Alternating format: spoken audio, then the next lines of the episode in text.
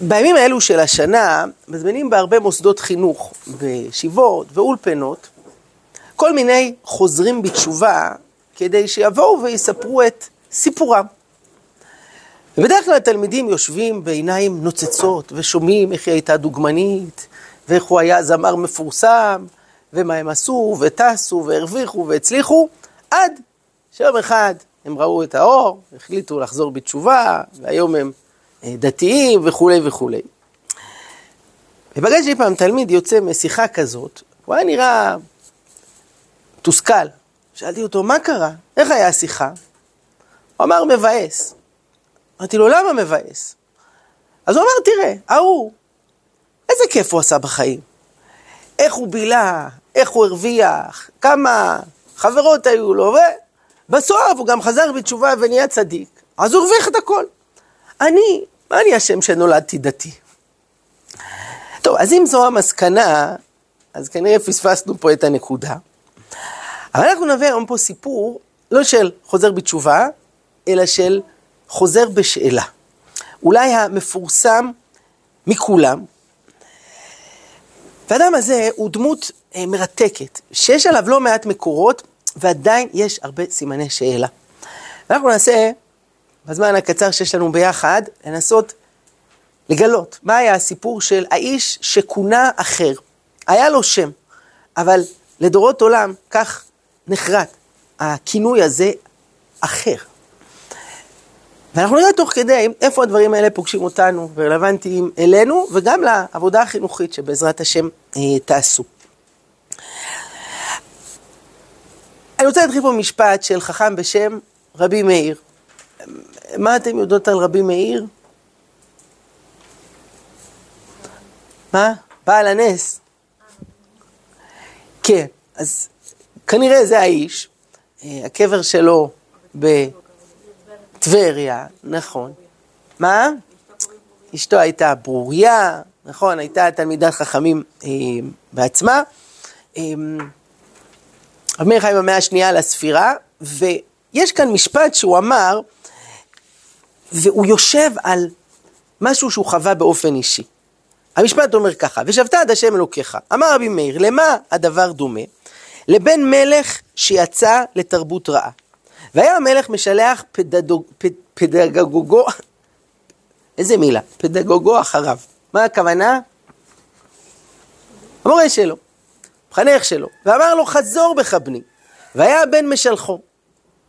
ואמר לאביו, באלו הפנים אני חוזר בי ואני מתבייש לפניך. והיה אביו משלחו ואומר לו, בני, יש בן מתבייש לחזור אצל אביו, ואם אתה חוזר, לא אצל אביך אתה חוזר. כלומר, יש כאן בן מלך שצריך לחזור בתשובה, והוא יודע את זה, ומזמינים אותו לעשות את זה, אבל יש לו מעצורים נפשיים. הוא אומר, איך, אחרי כל מה שעשיתי, איזה פנים יש לי לעמוד מול אבא שלי? ומה אבא שלו אומר לו? נכון, אבל אל מי אתה חוזר? אתה חוזר אליי, אל אבא שלך. האם רבי מאיר אמר את הדבר הזה באופן תיאורטי כללי, או שזה קשור לאדם שהשפיע על חייו מאוד מאוד, והיה בעצם הרב שלו. ועליו אנחנו הולכים לדבר היום, אמ, הרב הכופר. כך נתנו את הכותרת ללימוד שלנו. ייתכן שהסיפור הזה הוא מה שעורר את רבי מאיר להגיד לנו, תמיד אפשר לחזור. וגם אם בן אדם עשה את הדברים הכי נוראים בעולם, מי שמחכה לו זה אבא שלו. מה היה הסיפור של אחר, ובואו כבר נחשוף את שמו האמיתי? אלישע בן אבויה. אנחנו חוזרים במכונת הזמן אלפיים שנה אחורה. בית המקדש נחרב לפני עשרות שנים. שולטת בארץ מלכות רומא, והמצב קשה. יש, היו זמנים שהיה אה, גזרות שמד רבות. אה, למשל, רבי עקיבא, שהוא היה גם רב של רבי מאיר, הוא נרצח על קידוש השם, אחד מעשרת הרוגי מלכות, על ידי הרומאים. מה היה הפשע החמור שהוא עשה? לימד תורה. גם בזמנים שהיה קצת יותר נוחות עם הממלכה הרומאית, אבל היה השפעה תרבותית מאוד חזקה, ורבים אה, נסחפו. וכאן מופיע לנו אותו אדם ששמו אלישע בן אבויה. מה מספרים עליו? פילי פלאות. אמרו עליו על אלישע בן אבויה, שלא הייתה עזרה ננעלת על איש חכם וגיבור בתורה בישראל כמותו.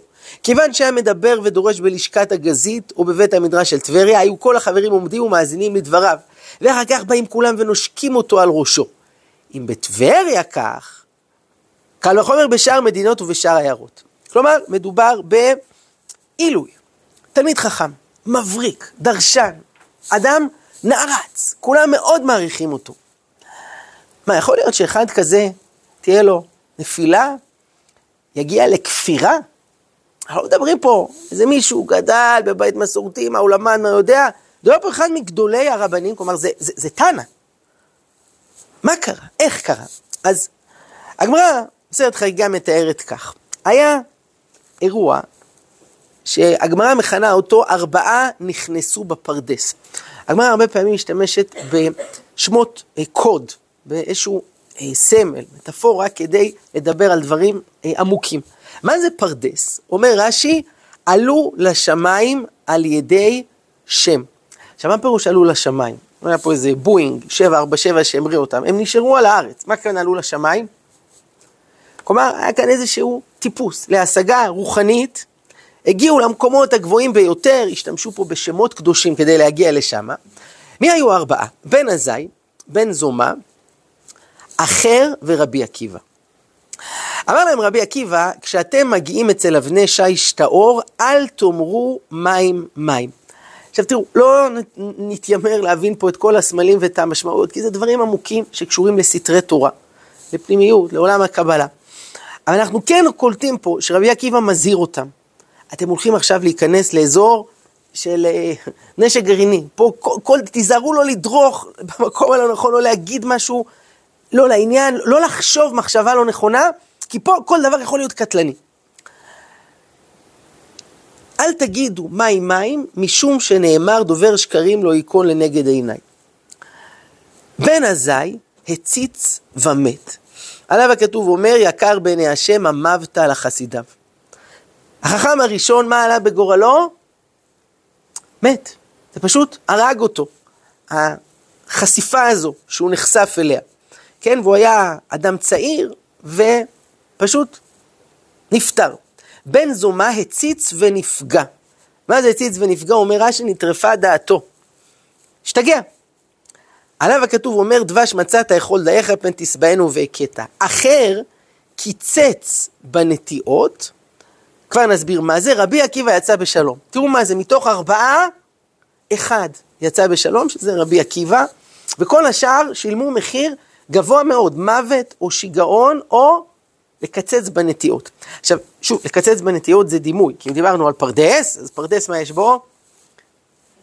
עצים, אז יש לקצץ בנטיעות. מה היה שם? אז הגמרא מתארת זאת ככה. אחר קיצץ בנטיעות, מה היא? חזה מתתרון. זה שם של איזשהו מלאך. דהתייבה לרשותא למיטב למכתב זכותא דישראל. איך הארמית שלכם? מה? חמש יחידות? שלוש? אז קצת נשתפשף, זה, זה דומה לעברית. היה שם את מיטטרון שניתנה לו רשות לשבת ולכתוב את זכויותיהם של ישראל. אמר, עכשיו, אה, אלישע בן אבויה, שרואה את כל זה, הוא אומר לעצמו, גמירא דלמעלה לא אבי לא ישיבה לו תחרות לא עורב ולא יפוי, שמא חס ושלום שתי רשויות הן. כלומר, אלישע בן אבויה שרואה את אותו מלאך יושב, אומר לעצמו, איך יכול להיות שמישהו יושב פה? הרי אף אחד לא יכול לשבת פה, ושוב, גם הישיבה פה זה בא לבטא איזשהו מצב רוחני, מלבד מי? הקדוש ברוך הוא. אבל יש פה איזה מלאך שהוא יושב, אז יכול להיות שבעצם חוץ מריבונו של עולם יש עוד מישהו שגם הוא שווה ערך אליו? חס ושלום שתי רשויות הן, כלומר יש איזה כוח כפול למעלה, שני אלוהויות? אפקוע למיטטרון ומחיו שיטין פולסי דנורה. בגלל שאותו מלאך גרם לאלישע בן אבויה לאותה טעות, הוציאו אותו והיכו אותו בשישים שבטים של אש. כן, זה המושג של פולסי דנורה, שנתקלה פעם. אמרו להם, מה איתה מה כי חזית אלו קמת מקמי? למה? כשראית אותו, לא נעמדת, כדי שלא יטעה בך. איך זה שאתה יושב?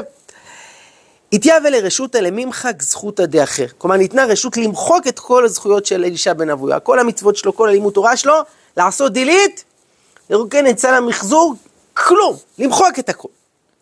יצתה בת קול ואמרה, שובו בנים שובבים, חוץ מאחר. כלומר, יש אפשרות לעשות תשובה, לחזור, אבל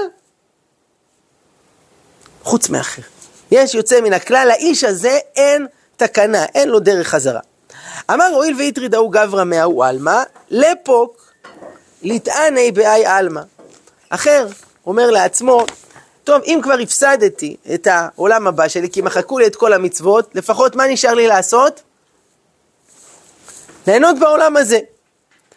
נפק אחר לתרבות רעה, נפק אשכח זונה, תבעה, אמרה אלישע בן אבוית.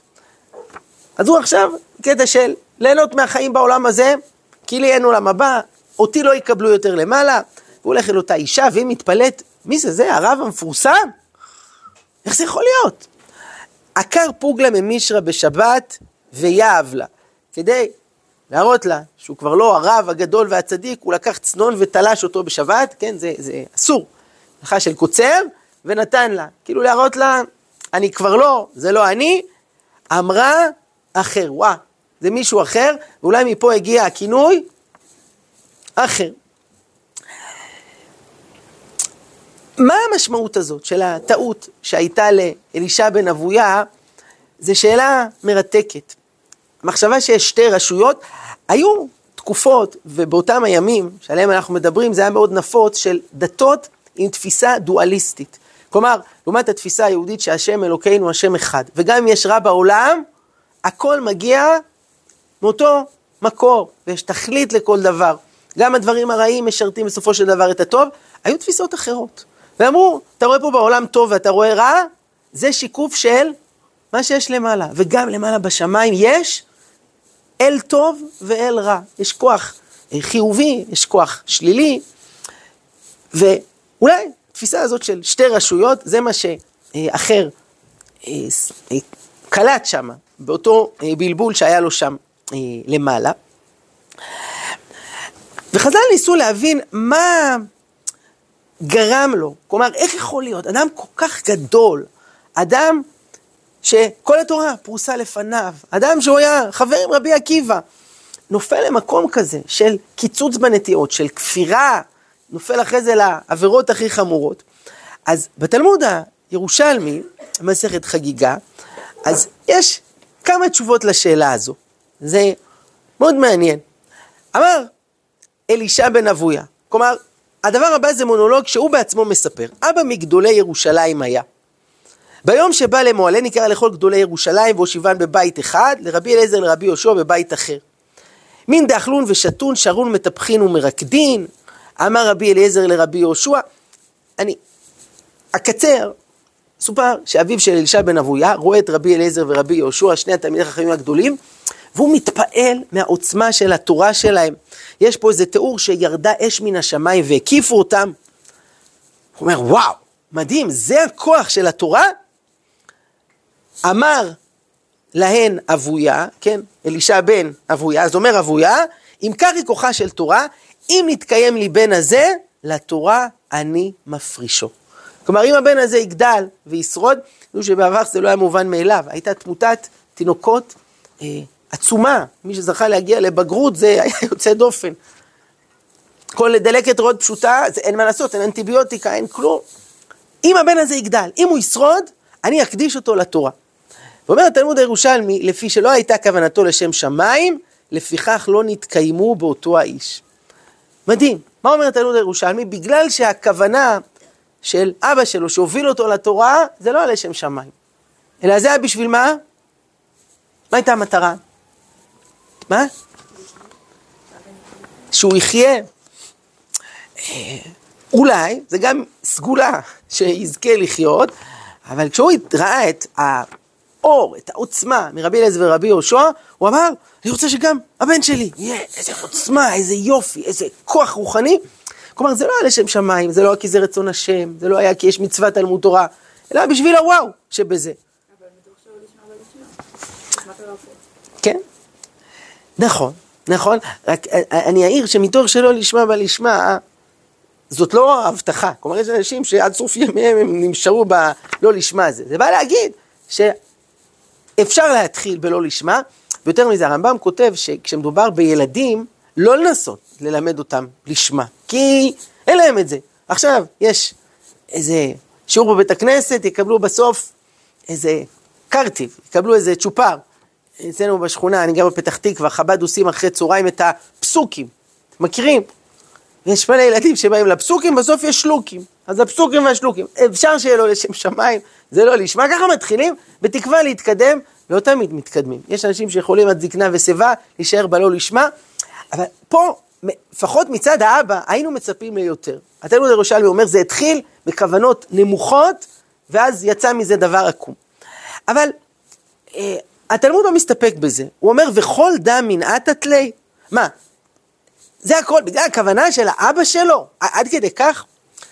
מעלים פה תשובה נוספת. פעם אחת היה יושב ושונה בבקעת גינוסר.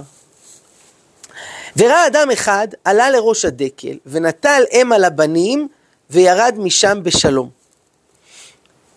למחר ראה אדם אחר שעלה, ושילח וירד משם, והקישו נחש ומת. מה זה? יש מצווה של שילוח הקן. תגידו, אתם ישנות? אתם רואות? אני רוצה לשמוע. שילוח הקן. נכון. יש על המצווה הזאת הבטחה מפורשת בתורה לשכר. לא על כל מצווה כתוב, אם אתה תעשה את זה, תקבל שכר גדול. שם כתוב, למען ייטב לך וערכת ימים. מה הוא ראה? אדם שעלה ונטל אם על הבנים. כלומר, הוא קיים את המצווה או לא קיים? לא קיים, הוא היה אמור לשלח את הם ולקחת את הבנים, הוא לקח את שניהם ביחד, וירד משם בשלום, מבסוט, שמח וטוב לב. למחרת, אלישע בן אבויה רואה, אדם אחר שעלה לשם ושילח, כלומר הוא קיים את המצווה, ירד משם, מה קרה? לקישון נחש ומת. אמר כתיב, שלח תשלח את האם, למה ניתן לך את הימים? היכן היא טובתו של זה? היכן היא אריכות ימיו של זה? איך זה מסתדר עם מה שכתוב בתורה? ולא היה יודע שדרשה רבי עקיבא לפנים ממנו, למען ייטב לך לעולם הבא שכולו טוב, וערכת ימים לעתיד שכולו ארוך. כלומר, מה אמר רבי עקיבא? שהשכר הוא ודאי יהיה, אבל זה לא בהכרח בעולם הזה, לא בהכרח כאן ועכשיו. תראו, מי שמסתכל על החיים רק בפרספקטיבה של העולם הזה, יש פה חוסר צדק מובנה. גם בשכר, גם בעונש. אה, אדם שהרג אדם אחד, איזה עונש אפשר לתת לו? העונש הכי חמור. עונש מוות. ואדם שהרג חמישה, מה אפשר לתת לו? גם עונש מוות, אבל רק פעם אחת. ולהיטלר מה תיתן? יש גבול כמה אפשר להעניש, ויש גבול כמה אפשר לתת שכר. אמר רבי עקיבא, לא, פרספקטיבה רחבה יותר. ויכול להיות אדם שעשה מצוות, ובעולם הזה זה לא ייגמר טוב.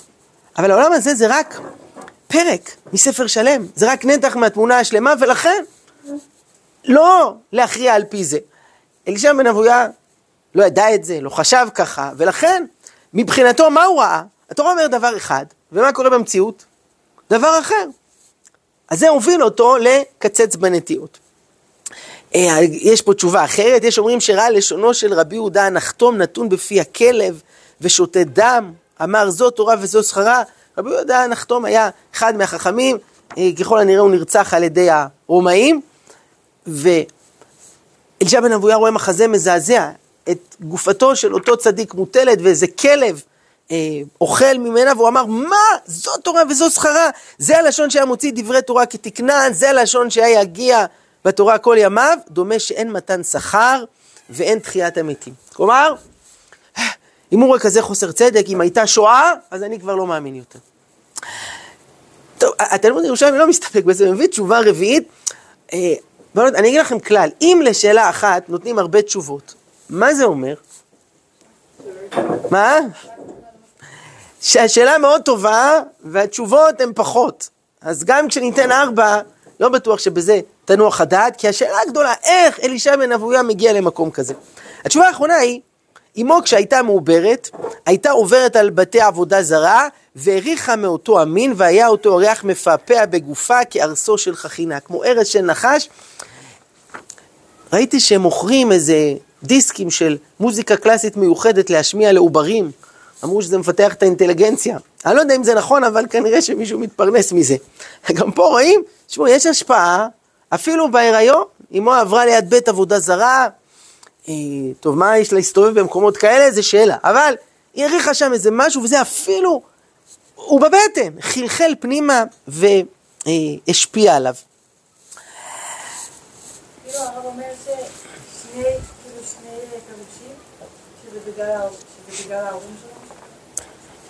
כך יוצא. פעם מאשימים את אבא, פעם מאשימים את אימא, רק את החמות חסר לנו. אה, כן, תשמעי, אנחנו, בני אדם, אנחנו אוהבים למצוא מי אחראי, נכון? הרי אה, רב חגי דיבר על החטא הראשון. מה היה? כשבפעם הראשונה בן אדם מפשל, ואלוקים בא ואומר לו, למה? מה ביקשתי? כולה לא לאכול מעץ אחד. קשה. מה הוא אמר? זאתי! היא נתנה לי. הוא בא לאישה, הוא אומר, נו למה? מה ביקשתי? הבאת לבעלך, לא יפה. מה היא אמרה? הנחה. כל אחד מעביר את הכדור הלאה, מה התוצאה? בסוף כולם אה, מגורשים מגן עדן. אז אה, השיטה הזאת שיטה לא מוצלחת, אה, אבל בני אדם מאוד מחבבים אותה, להסיר מעל עצמם אה, אחריות, ואתם יודעים מה אומרים, כשבן אדם מפנה את האצבע למישהו אחר, אז מה יוצא? אז יש שלוש אליו, עוד אחת ללמעלה. גם הקדוש ברוך הוא מאוד אוהבים להאשים אותו, לכן קוראים לו השם, כי הוא תמיד השם. זה החיים שהוא נתן לי, ואיפה שם אותי, אכלו לי, שתו לי. בשורה התחתונה, בן אדם לא מתקדם ככה. חז"ל אומרים שהדבר שהבחין בין שני מלכים, אחד הודח ממלכותו, ואחד האריך ימים על ממלכתו, למרות ששניהם נפלו. מי היה הראשון, מי השני? הראשון זה המלך הראשון, ושמו בישראל שאול. השני היה המלך השני וזה אה, דוד, שאול הודח ממלכותו, כי כששמואל אומר לו, למה? חמלת על הצאן ועל הגג, מה הוא אומר? מה, אתן יודעות פה תנ"ך וזה, לא, אתן שולטות. מה זה, צניעות, אני יודע. כן, עוד, עוד לא עלו הקבצים, אז תעלו, תעלו אותם. כי חמל העם. כשנתן אבי בא להוכיח את דוד על מעשה בת שבע, והוא מספר את משל כבשת הרש, מה אומר דוד? תגובה מיידית. חטאתי להשם, חטאתי להשם, והנביא אומר לו, גם השם העביר עוונך וחטאתך תכופר. כלומר, הנושא הזה של לקיחת אחריות, תראו, אנחנו בימים נוראים, כל הזמן חוזרים על שמנו, בגדנו, גזלנו. כי הנקודה פה זה שאדם יודע, אין דבר תלוי אלא בי. לטוב ולרע. הרגע הזה, על זה רבי אמר, יש קונה עולמו בשעה אחת. ברגע שאדם לוקח אחריות, ברגע שבן אדם מאשים את הממשלה, ואת אשתו, ואת החמות, ואת ה... וכולי, אז אה, לא, לא מתקדמים. טוב, נחזור אלינו. אז כן, חז"ל אה, מרמזים על דברים שהיו קשורים להורים, אה, על דברים שהוא ראה אה, במו עיניו, אבל בואו נתקדם הלאה כי הזמן שלנו קצר. אה, תהפכו שנייה את הדף. שורה תחתונה, אלישע בן אבויה יוצא לתרבות רעה. תגידו, מה קורה מכאן ואילך? נגיד, הספרים שהוא כתב, מותר ללמוד מהם? מה?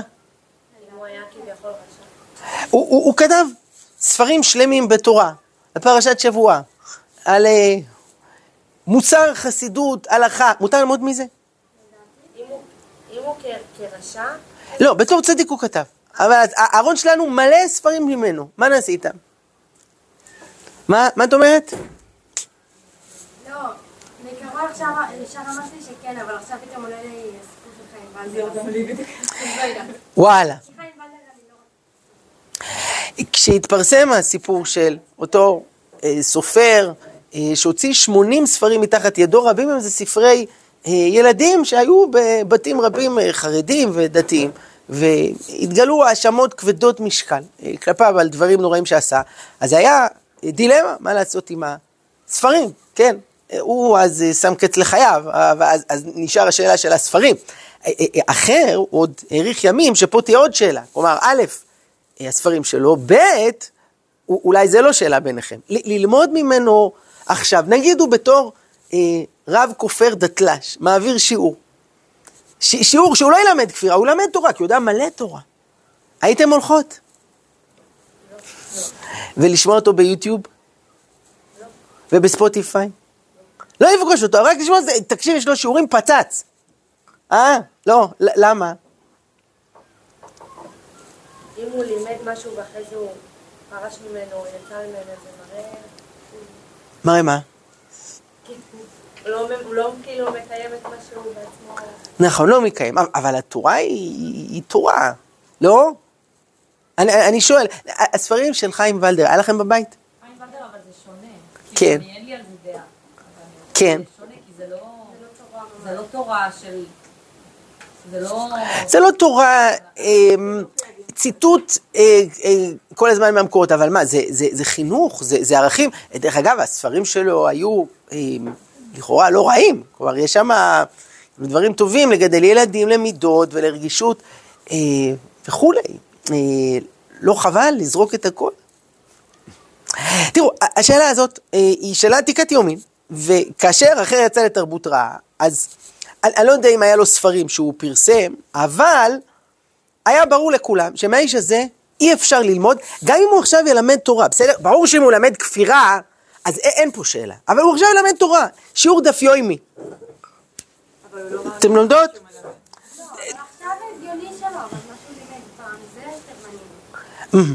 אז את מפרידה בין מה שלימד פעם שכן, כן,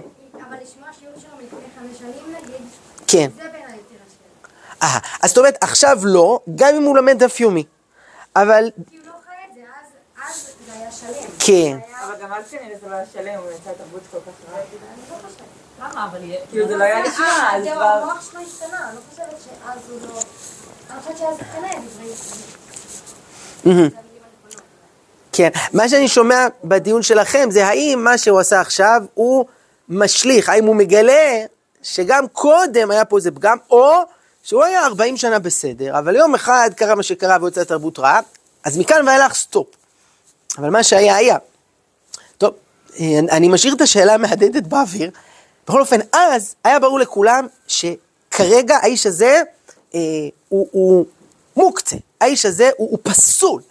אי אפשר ללמוד ממנו, אי אפשר ללכת לשיעורים שלו, אה, וכך כולם עשו. חוץ מאשר איש אחד. איך קראו לו? רבי מאיר. שרבי מאיר המשיך גם אחרי הקיצוץ בנטיעות ללמוד מאחר. יש איזשהו אה, תיאור שרבי מאיר נותן שיעור לתלמידים, וזה קורה בשבת, ועוצר שם סוס ליד בית המדרש, ומי רוכב על הסוס? האחר. מותר לרכב על סוס בשבת? לא. ורבי מאיר יוצא אליו, הוא מתחיל לדבר איתו בדברי תורה, רק דמיינו את הסיטואציה, תארו לעצמכם איזה ראש ישיבה דגול, יש לכם איזה, איזה שם, איזה משהו, ככה איזה ראש ישיבה, מרביץ תורה, 500 תלמידים, שיעור כללי, וזה אה, קורה בשבת, עוצרת בחוץ איזה מכונית אדומה עם גג נפתח, מוזיקה אוץ, אוץ, אוץ בפול ווליום, ויושב שם ההוא לשעבר, והוא יוצא אליו, מתחיל לדבר איתו על פרשת השבוע וגמרא וכולי, זה נשמע הזוי, נכון? אבל כך מסופר על רבי מאיר, והשאלה היא, איך אפשר ללמוד מאדם כזה? אז רבי מאיר בעצמו אמ, כבר יענה על השאלה, בואו תראו. הגמרא שואלת, רבי איכה גמר תורה מפומי דה אחר. ואמר רבא בר בר חנא אמר רבי יוחנן, מאי דכתיב כי שפתי כהן ישמרו אמ, דפים. הנה, על כל המצטרפות, בסדר? שמחים שהגעתם, שיהיה בבקשה לכולם, בסדר? תראו להם איפה אנחנו. איך הוא למד תורה מפיו? הרי כתוב כי שפתי כהן ישמרו דעת ותורה יבקשו מפיהו כי מלאך השם צבאות הוא. אם דומה הרב למלאך השם צבאות יבקשו תורה מפיהו, ואם לאו אל יבקשו תורה מפיהו. כלומר, יש ציפייה מהאדם שאנחנו לומדים ממנו תורה, שיהיה אדם טהור, אדם גדול. צריך להיות אה, מושלם, אין אנשים מושלמים, אבל כן, יש פה ציפייה אה, גבוהה, ואם לא, לא ללמוד תורה מפיו. אה, ואולי בדבר הזה יש משהו מיוחד בתורה ששונה מדברים אחרים. מספרים על איזה פרופסור לאתיקה, שתפסו אותו בכל מיני מעשי שחיתות ותרמית. אז אמרו לו, איך זה יכול להיות? אתה הרי מומחה לאתיקה, ואתה ככה מתנהג? אז הוא אמר להם, מה, מה הקשר? פרופסור למתמטיקה צריך להיות משולש? כן? כלומר, אני יכול ללמד את תורת המוסר, אבל זה לא קשור לאיך שאני מתנהג. אבל בתורה זה לא ככה. אנחנו מצפים שאדם שמדבר תורה, הוא גם יהיה איש של תורה. אה, איך זה במסכת אבות? הוא היה אומר.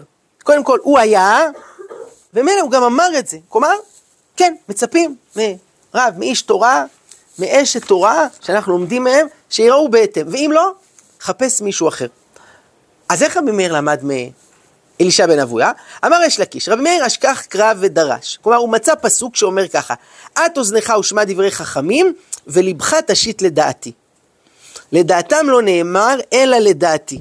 כלומר, אומר שלמה המלך, אתה תשמע את דברי חכמים, אבל תקשיב למה שאני אומר. ומה רבי מאיר למד מזה? שאתה יכול ללמוד מאיש חכם, גם אם כרגע הוא לא מתנהג כמו שצריך, ואתה תשים לב למה שאני, הקדוש ברוך הוא אומר לך. ולכן אני מרשה לעצמי ללמוד מאלישע בן אבויה. אז הגמרא אומרת, קש וקראי הדדי. כלומר, אז יוצא שהפסוקים אומרים מסר הפוך. מהפסוק הקודם למדנו? שרב צריך להיות כמו מלאך, ואם לא, לא ללמוד ממנו. מפה רואים שאתה יכול ללמוד ממנו אם הוא חכם. רק תקשיב להשם, אל תלמד במעשים הרעים שלו. איך זה מסתדר? אומרת הגמרא, אה בגדול, אה בקטן. אומר רש"י, גדול היודע להיזהר שלא ילמוד מעשיו, יכול ללמוד תורה מפיו. כלומר, תלוי במי מדובר. אדם גדול יכול ללמוד גם מאדם שהתקלקל, והוא ישמור על עצמו לא להיות מושפע. לעומת זאת, אדם קטן יותר, שזה רוב האנשים, צריכים להימנע מזה. למה? כי כשאתה לומד ממישהו, אתה גם סופג ממנו. זה השפעות, זה מה האישיות משדרת. לא טוב. תלמד תורה מאדם שהוא אה, טוב ונקי.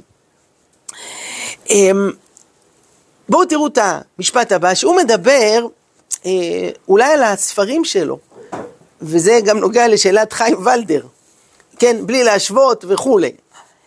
דרש רב, אמר לכתיב אל גינת אגוז ירדתי לראות בי בהנחה, למה נמשלו דברי חכמים לאגוז?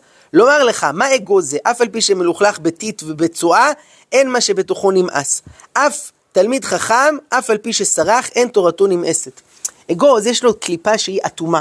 גם אם האגוז נפל לך בתוך הלכלוכים, בתוך הזבל, אתה יכול להוציא, לשטוף אותו, לפצח את האגוז, והתוך נשאר נקי, נשאר צלול, נשאר טוב. אז קח תלמיד חכם, גם אם יש פה בעטיפה כל מיני לכלוכים, אבל הפנים לא מתקלקל. התורה שלו לא נמאסת. עכשיו בואו תראו, אחד הקטעים המדהימים שמופיעים בגמרא, אשכחי רבא בר שילה לאליהו. אמר לימי כאביד הקדוש ברוך הוא. זה, זה לא יאמן מה שכתוב פה. רבא, שזה אחד מחכמי הגמרא, הולך ברחוב ופוגש את אליהו. מי זה אליהו? הנביא. פגשתם פעם את אליהו הנביא. ההוא שתמיד מבטיחים לילדים בליל הסדר, שבא לשתות עוד מעט את היין, הוא פוגש ככה את אליהו הנביא. שאל אותו, מה עושה הקדוש ברוך הוא? כן, כרגע, הוא גמר לברוא את העולם, מה יש לו לעשות עכשיו? אה? מה הוא עושה? אמר לי, כאמר שמעת מפומי דכולו רבנן ומפומי דרבי מאיר לא כאמר. כלומר, הקדוש ברוך הוא אומר דברי תורה בשם כל החכמים, אבל לא בשם רבי מאיר. למה? כי רבי מאיר, מה הייתה? אמר לה, משום דקה גמר שמעת מפומי דאחר. אליהו הנביא חושף שעכשיו בשמיים הקדוש ברוך הוא אומר תורה בשם כל החכמים, אבל מי לא? רבי מאיר, כי הוא למד מאחר. אז אמר לי, אמר רבי מאיר רימון מצא, תוכו אכל קליפתו זרק. אז רבא, אותו חכם אומר לאליהו הנביא, אבל למה? רבי מאיר, הוא לקח את הטוב מהתורה של אחר, וזרק את הפסולת, כמו אדם שיש לו רימון, יש בו קליפה, אתה זורק את הקליפה, אבל אתה אוכל את מה שבפנים, ורבי מאיר ידע לברור, לכן התורה שלו היא טובה והיא נקייה. מה אתם אומרים, זה ישכנע שם בשמיים, זה יעבוד הנימוק הזה? לא יאמן. אמר לי אשתקה אמר, מאיר בני אומר, ואומר, כאילו אלי, אליה אומר לו, שנייה, רגע באוזנייה מדווחים לי שיש שינוי בשמיים, ו... הקדוש ברוך הוא אומר עכשיו תורה בשמו של רבי מאיר, והוא מביא פה את התורה. שעכשיו אלוקים אומר בשמיים בשמו, יוצא שבעצם הטענה הזאת של רבי מאיר התקבלה, לפחות לגבי עצמו, שהוא יכול ללמוד אה, מפיו של אחר. זה רק אנשים גדולים נראה לי, כמו שלפעמים אותו, כאילו, אני רואה את אחותי הקטנה נגיד. אנחנו זרקנו את הספרים של חיים ולדר. כן. כי, כי אחותי הקטנה, כאילו, היא תלמד את הספרים של חיים ולדר, ואז היא תשמע לה, ויש לה פה איזשהו ניגוד, והיא לא תצליח להבין את הניגוד. גם אם אבא שלי יבוא ויגיד לה, תראי, הוא עשה ככה, אבל הספרים שלו עד... כן. זה משהו שהוא, שהוא מנוגד, ואנחנו בתור שהרב אמר, שאנחנו אנשים פשוטים, אנחנו לא כאלה גדולים בתורה שיכולים, אנחנו כנראה נאכל קצת מהקליפות באיזשהו מקום. נכון. את, צודקת שזה מאוד מבלבל, ואני אגיד לך יותר מזה. אמר מישהו, מה, הרגישו אה, אנשים שעברו אה, פגיעה מינית? ונכנסים אלינו הביתה ורואים שמתנוסס בארון הספרים היהודי, אה, ספר שמה כתוב עליו, חיים ולדר. כאילו אדם שהיה שמות מאוד חמורות כלפיו, על עשרות מקרים, פגיעה בנשים ובילדים ובילדות, וזה זה ספר שככה מונח על המדף. טוב, אז מה לעשות? היו כאלה שזרקו לגמרי את הספרים, וזה זה, זה הפסד גדול של, של תוכן, כי סך הכל הספרים טובים. הם, הוא השיג אל כל הספרים שלו אישור של ועדת הרבנים של הרב ניסים קרליץ, כאילו היה על זה חותמת בהשגחת הבד"ץ, על הספרים שלו. היו כאלה שאמרו, אפשר להשאיר את הספרים, אבל למחוק את השם. כלומר, לקחת איזה טוש כזה בלתי מחיק, ולקשקש על חיים ולדר. כלומר, שלא יראו מי האיש שכתב את זה, אבל הספר מצד עצמו... של... כן, אני חושב שגם שם אבל היה עוד עניין שזה היה עוד מישהו מעורב ביחד איתו, כאילו הוא לא עשה את זה לבד. טוב, אז אולי גם זאת אפשרות, רק זה בנוי על ההנחה שהתוכן עצמו הוא אה, בסדר. תגידו, מה היה סוף הסיפור? למעשה, ראינו פה על אחד מגדולי חכמי ישראל שיצא לתרבות רעה. ראינו שחז"ל ניסו להבין איך זה קרה לו, מאיפה זה בא, ולו כל מיני השערות. ראינו שגם אחרי שמחרימים אותו, רבי מאיר אה, לא מוכן לוותר עליו וממשיך ללמוד ממנו. אה, מה קרה בסוף? אה, האם אולי התלמיד הצליח להשפיע על הרב שלו באיזושהי דרך? אז בואו תראו מה היה. תנו רבנן. אנחנו פה בשליש האחרון, מעשה באחר שהיה רוכב על הסוס בשבת. והיה רבי מאיר מהלך אחריו ללמוד תורה מפיו. אמר לו, מאיר חזור לאחריך שכבר שיערתי בעקבי סוס עד כאן תחום שבת. כלומר הם הולכים ומדברים, מגיע רגע שאחר אומר לו סטופ. ספרתי לפי הפסיעות של הסוס, נגיד הוא עשה, אני יודע, 1,500 פסיעות, הגענו לסוף תחום שבת, אה, אתה, אה, תודה רבה, אתה דתי, אסור לך ללכת יותר, כן? אה, אז סטופ, אני לא רוצה שאתה תחלל שבת, לך זה חשוב. אמר לו, נו, אם אתם רבי מאיר, מה, מה, מה, מה מתבקש להגיד? מה? רבנו, ואתה מה? מה, אתה לא יהודי, השבת זה לא בשבילך, חזור בך, חזור בך. מספרים על הרב קוק, זכר צדיק לברכה, היה לו חברותא אה, פעם בשבוע עם הרב יצחק אריאלי, ואף אחד לא נכנס להפריע להם. פעם אחת נכנס שם אליעזר בן יהודה. אומר לכם משהו השם הזה? כן. שהוא היה מאוהב בשפה העברית ויש לו זכויות גדולות בתחייתה ועורר אה, לעניין. מצד שני, בקטע הדתי והרוחני, הוא היה ממש בצד הנגדי, היה, היה אנטי. והוא בא לרב קוק, אה, לפעמים בשביל אה, ללמוד ממנו, הרב קוק היה בקיא בכל המקורות, הוא רצה לשאול המילה הזאת, מה המקור שלה, והאם נכון להגיד מילה ככה וכולי. אז הוא ישב שם בצד והקשיב. אה, הוא גם רצה לשאול איזה שאלה, הוא שאל והרב קוק ענה לו. ואז, כך אומר הסיפור, הרב קוק אמר לו, בן יהודה, אולי תחזור בך. ואז היה כזה שקט.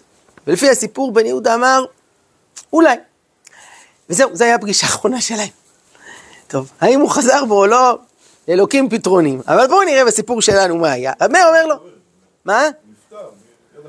כן, אז, אז זמן קצר אחרי כן, אה, כן, אז יכול להיות שזה ממש ביומו האחרון, מה... כן, כן, כן. רבי מאיר אומר לו, חזור בך. אמר לי, ולא כבר אמרתי לך, כבר שמעתי מאחורי הפרגוד, שובו בנים שובבים חוץ מאחר. מה אומר לו?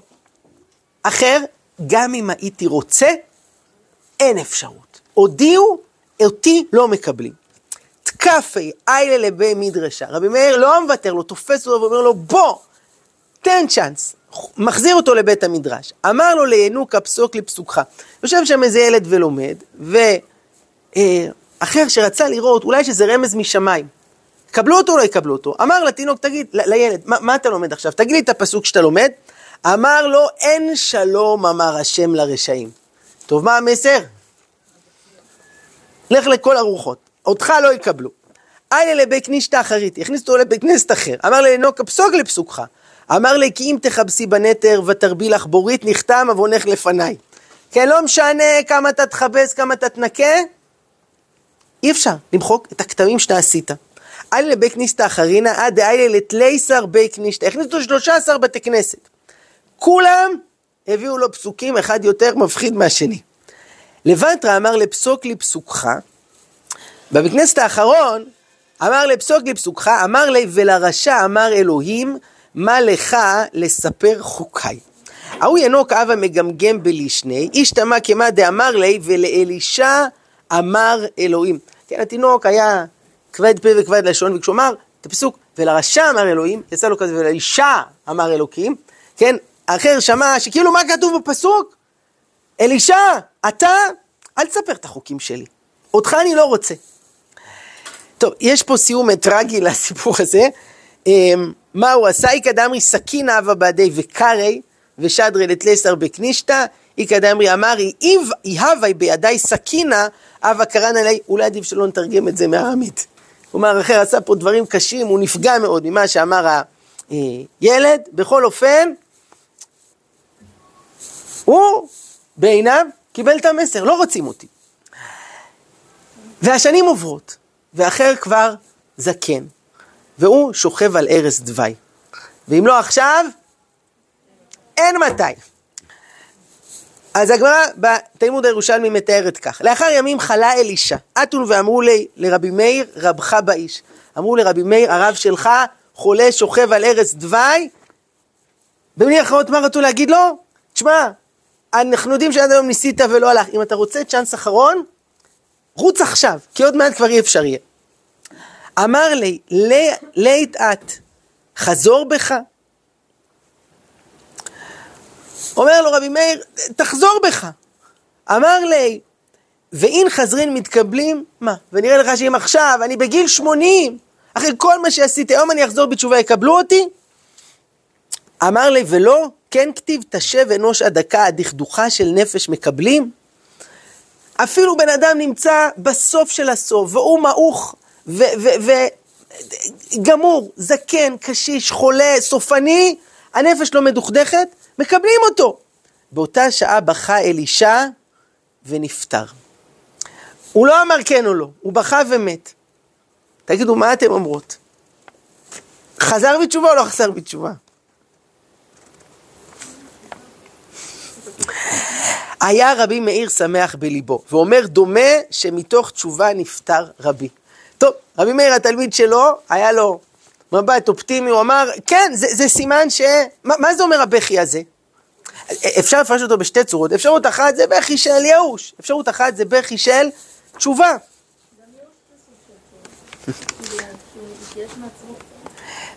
זה תלוי מה המשמעות של הייאוש, אם זה שאין תקווה או ש... זה הדבר האחרון שנותר לי, אני רוצה לחזור בתשובה, אבל תראו מה קרה. מין דקברוני, ירדה האש מן השמיים ושרפה את קברו. עשו הלוויה, ותוך כדי הלוויה מה קורה? יורדת אש מן השמיים ושורפת את הקבר. שמה זה בא לרמז? אש. מה? אה, אשריכם על האסוציאציות היפות, אני חשבתי האש של הגיהנום. איפה היא שלח? לגיהנום, אז הנה יש לכם פה הצצה, פרומו, מה הולך לקרות לו שם בשמיים? אה, שורפים אותו. אתון ואמרו לי לרבי מאיר, אה קברי דרבח אייקד. אמרו לרבי מאיר, הקבר של הרב שלך עולה באש. נפק באי מבקרתי והשכיחי אייקד, מעבד נסב גולתי ופרסי ילווה. אמר, רבי מאיר מגיע שם אל בית הקברות, עושה מה שעושה, והאש נרגעת. כלומר, רואים שהוא עושה כל מאמץ, אפילו אחרי שאחר נפטר, בשביל אה, להחזיר אותו, בשביל להציל אותו, לשלוף אותו מה, אה, מהגיהנום. אה, ושורה תחתונה, הגמרא מתארת כך, כי נח נפשי דאחר אמרי, לא מידן לדייני ולא לעלמא דעתי ליתי. כאן יש חשיפה של מה בעצם קורה בשמיים ברגע שאחר עולה לשם. מצד אחד הם אומרים, לא מידן לדייני משום דעסק בתורה. עדיף שלא נדון אותו, כי אם נדון אותו, מה תהיה התוצאה? רע, ומ- רע ואמר, הוא הולך לגיהנום, אבל הוא עסק בתורה, היו לו שנים שהוא לימד תורה, למד תורה, עדיף לו ל- לא לדון אותו. אמ, מצד שני, אם אנחנו לא נדון אותו, אז הוא לעולם לא יוכל להגיע לעולם הבא. תראו, הגיהנום זה איזושהי תחנת מעבר, שבסופו של דבר, אחרי שאדם נמצא בגיהנום, למירוק על החטאים, יגיע לגן עדן. למה קדיש אומרים אה, שנה על הנפטר, או קצת פחות משנה? כי מקובל שעד שנה בן אדם יהיה שמה, אבל אחרי זה כבר נקי, מתואר, והנשמה שלו תעלה לגן עדן. אני זורק פה פצצה, זה צריך שיעור שלם, אבל העולם הבא קרוי עולם שכולו טוב. אה, אבל מה כולו טוב? יש בו את גיהנום, זה איום ונורא, זה חלק מהטוב, זה חלק מהתיקון. הקדוש ברוך הוא רוצה לתקן את הכל, וגם אם אדם יעבור בתוך הדבר הזה, המטרה לעלות בחזרה. אבל אחר, אם לא ידונו אותו, אז הוא גם לא יגיע למקום הטוב. אבל אם נדון אותו, אוי ואבוי מה שיהיה לו. אמר רבי מאיר, מוטב דלידייני ולייטה לעלמא דעתי, מתי אמות ועלה עשן מקברו. כלומר, רבי מאיר אמר, עדיף שידונו אותו, גם אם הוא ילך לגיהנום, אבל בסוף יהיה לו את התיקון. חכו שאני אמות ותראו מה יקרה. כי נח נפשי דרבי מאיר, סלי קוטרא מקברי דאחר. רבי מאיר נפטר, ואז עולה עשן מהקבר של אחר. שבעצם מה זה בא להגיד? שרבי מאיר עלה שם לשמיים, והוא הפעיל לחצים כדי שמה יעשו? אם עולה עשן, סליחה, אין עשן בלי אש, זה אומר שיש אש. כלומר, ידונו אותו, ישלחו אותו לגיהנום. אבל בסוף, יש תקווה שגם יצא משם. אז רבי מאיר נפטר ועולה עשן מהקבר של אחר. אמר רבי יוחנן, גבורתא למיקלי רבי, רבי יוחנן זה היה עוד, אה, עוד אה, כמה דורות קדימה. הוא אומר, מה? אז זה מה שרבי מאיר הצליח לעשות, זה המקסימום שישרפו את הרב שלו בגיהנום? חד הווה ביננה ולא מצינא להצולי? מה, לא הצלחנו להציל חכם אחד שהיה איתנו? אינקתי ביד מן מרמילי מן. אמר מתי אמות ואכבה עשן מקברו. אומר רבי יוחנן, רבי יוחנן היה מגדולי חכמי ארץ ישראל, הוא זה שערך את התלמוד הירושלמי. רבי יוחנן אמר, אם אני אגיע אליו, מי יעצור אותי מלהוציא אותו? כי נח נפשי דרבי יוחנן, פסק קוטרא מקברי דאחר.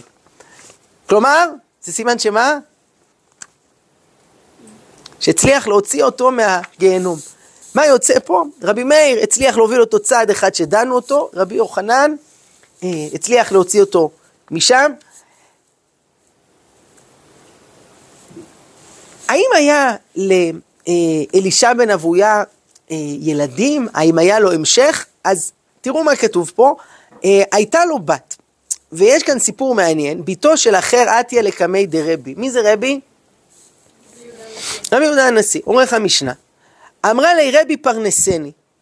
רבי היה עשיר גדול, והיה עוני, והיא מסכנה אין לה מה לאכול. אמרה לו רבי, תביא לי משהו לאכול. אמר לה בת מי את? אמרה לי בתו של אחר אני. אמר לה עדיין יש מזרעו בעולם? מה? האיש הזה, הרשע, הכופר, מה יש איזה זרע שנשאר אחריו? מה יש לו עוד צאצאים? אמרה לו, זכור לתורתו ואל תזכור מעשיו. פס, מה היא אומרת לו? נכון, היו לו מעשים לא טובים, אבל הייתה לו גם תורה, היה לו גם טוב בחיים, את זה אתה לא זוכר. מיד ירדה אש וסכסכה ספסלו של רבי. היום יש פה שיעור מדליק, הרבה אש הולכת פה. יורדת אש מן השמיים ושורפת את הספסל שרבי יושב עליו, שזה כנראה איזה רמז משמיים שהיא צדקה הזאתי. בכה ואמר רבי, ומה למתגנין בה, כך, למשתבחים בה על אחת כמה וכמה. רבי אמר, אוקיי, אני, אני, אני מקבל, אני אפרנס אותה, וזה מדהים, אם אפילו מי שהפנה עורף לתורה, עדיין זוכים לו את זכות התורה שלו, אז אדם שהולך עם התורה ומאמין בה ושומר עליה, איזה זכות אה, עצומה יש לו. תראו, הסיפור הזה של הבת של אחר, זה, זה הזכרנו קודם את חיים ולדר, זה, זה שוב מחזיר ל, ל, לדילמה שעולה הרבה פעמים כשרוצים לפרסם על כל מיני חשדות לעוולות כאלה ואחרים. יש גם את שאלת המשפחה. כלומר, ברגע שפרסמת על מישהו, זה יכול להיות נגיד תחומים אה, כלכליים, כן? לא רק פגיעות מיניות, הוא גנב וכולי. מה עשית באותו רגע, וזה חשדות עדיין, זה לא שהיה פה בית משפט שהכריע. מה עשית למשפחה שלו באותה שנייה? אתה, אתה גמרת אותם, הילדים שלו ילכו לבית ספר, אבא שלך גנב, ואת- ו- ואשתו מסכנה, ויפטרו אותה מהעבודה, איזה, איזה... מצד שני, אז מה, אנחנו לא נפרסם שום דבר? הרבה פעמים, למה מפרסמים כשעדיין יש רק חשדות? מה הסיבה? בשביל שיבואו עדים, בשביל שיהיו עוד תלונות. לא פעם מה שקורה שאחרי שמתפרסם דבר אחד, והיה את הראשון, את הראשונה שלהם את האומץ לגלות, אז כמו פטריות אחרי הגשם, ואז, ואז אפשר באמת להרשיע את האדם. אמ, אבל לא תמיד זה ככה. לפעמים יש פה גם אה, שפיכות דמים, שאדם שהיה חשדות שמתבררים כלא נכונים, ומה עם המשפחה שלו. אז הסיפור כאן של, של הבת זה מציף את שאלת המשפחה, שזה גם דבר שצריך לקחת אה, בחשבון. תגידו, אה, נגיד עכשיו בא לנו ללמוד איזה תורה של אלישע בן אבויה, מותר או אסור? סכנה. תורתו ולא ממעשיו. תורתו ולא ממעשיו. אה, לכולם מותר. אז שאלה, או שאולי החלוקה הזאת שהגדולים ולא הקטעים זה ללמוד ממנו ממש, אבל מהתורה שלו אפשר? אתם יודעים מה, בואו ניתן לרבי יהודה הנשיא להכריע בזה. אמרנו רבי יהודה ערך את המשנה, נכון? האם בתוך המשנה יש משהו שאמר אלישע בן אבויה? יש, איפה? מסכת אבות. תראו מה כתוב. אני חושב שזה הדבר היחיד שיש במשנה, אבל יש עוד במקורות תנאים אחרים, יש לנו מעט דברים שנשתמרו ממנו. אלישע בן אבויה אומר, הלומד ילד, למה הוא דומה? לדיו כתובה על נייר חדש. הלומד זקן, למה הוא דומה? לדיו כתובה על נייר מחוק. הוא אומר, יש מעלה לאדם שלומד בילדות. א- איך מכנים את זה, לימוד של הילדות? גירסא דינקותא, שזה כמו דיו כתובה על נייר נקי, כלומר זה, זה נחקק, זה ברור. הלומד זקן למה הוא דומה? לדיו כתובה על נייר, אה, על נייר מחוק. אה, איך יכול להיות שרבי יהודה הנשיא הכניס דבר כזה למשנה? תורה של אחר, הרי החרימו אותו בבית המדרש. אז אולי זה משהו שהוא אמר לפני שהוא יצא לתרבות רעה. ואולי אומר רבי יהודה הנשיא, אם אני מוצא משהו טוב ואני יכול להפריד מהפסולת, אז לא לוותר. על הפנינה הזו, אני אגיד לכם עוד פירוש על הדבר הזה. הלומד ילד ולומד זקן, נגיד אתם, אתם יותר ילד או יותר זקן? מה? ילד. השאלה מה קובע באמת, כי ייתכן ש... הוא לא בא להגיד שיש פה חלוקה לפי השנים. הוא לא אמר הלומד כשהוא ילד והלומד כשהוא זקן, אלא יש שני מצבים, יש מצב ילד ומצב זקן. עכשיו, אתה יכול להיות זקן וללמוד במצב ילד, ואתה יכול להיות ילד או מתבגר וללמוד במצב זקן. אבל שם טוב אמר על, ה- על, על המשפט אל תשליכני לעת זקנה, שאין הכוונה רק שכשאני אהיה זקן אל תזרוק אותי, אלא עכשיו כשאני צעיר, אל תעשו אותי זקן. כלומר, שאני לא אהיה, ותשמעו, לפעמים אתה רואה אחד בן 15, וואלה, כמו זקן בן 90, עד שהוא מזיז את עצמו, ויש לו קיבעון מחשבתי, ויכול להיות אחד שהוא כבר בן 90, אבל הוא רענן, והוא, והוא מחפש חידושים, והוא פתוח לשמוע, לא להיות זקנים. תמיד להישאר אה, צעירים, להיות אחד שהוא לומד ילד. ואני אגיד לכם יותר מזה, אולי יש פה עוד משמעות. נגיד פרשת שבוע, אנחנו עוד מעט מתחילים מבראשית. כמה פעמים למדנו עד היום פרשת בראשית? מלנת, נכון? וכל שנה מחדש. האם אני ניגש לפרשה, נו, כבר למדתי את זה מכיתה ב' מהמורה שרה, ואחרי זה בזה ולמה, או שאני פותח את זה עכשיו, עם כל מה שיש בי היום, בגיל בוגר יותר, במבט אחר, עם כל מה שעברתי, והמפגש שלי עם התורה יביא אורות חדשים שלא נראו מעולם, זה נקרא ללמוד ילד. ואם נבוא בגישה הזאת, אז כל תורה שאנחנו לומדים, היא, היא תאיר באור אחר, היא לא תהיה ישנה אה, ועתיקה. אני רוצה כן. עם האנטי זקנים הזה, ונוגע לי בציפור הנפש. אני דווקא רואה כאן, זה לא אה, הלומד, תהיה תלמיד, תמיד תלמד או תזכה ללמד ילדים שיהיה פה נייר חלק. זה לא. בעיניי יש יתרון מאוד גדול גם ללמד אה, על נייר מחוק, נייר שכבר הוא עבר משהו. מביא איתו אה, פרספקטיבה, הוא כבר, כת- כבר, כבר נכתב עליו, כבר כן. נמחק, משהו מעובד, משהו... בשל. תהיו זקנים עם החוכמה של הזקנים, הפרספקטיבה של הזקנים. כן. האומץ של... אה, השאלה. כן, אבל יש, יש גם אבל למשפט שלך, תבואו בשלים ממה שלמדתם, ממה שעברתם. רק אני איתך לגמרי, ובלבד שיהיה פה את, את ההמשך, אבל צריך לבוא בפתיחות ובנקיות. אחת הצרות, שכשבן אדם בא ללמוד איזה דבר, הוא, הוא מעמיס עליו את כל מה שהוא למד אה, עד היום. זוכר שהייתי פעם, הייתי בישיבת מרכז הרב, היינו בשיעור של הרב קלנר, זה היה שיעור בספר איסורים ומרקים של הרב קוק.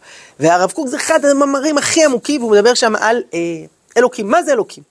הרב קלנר אמר לנו, אם הייתי יכול עכשיו לעשות delete לכל המוח שלכם, כאילו כל מה שאתם יודעים על אלוקים תמחקו, בואו תקשיבו עכשיו.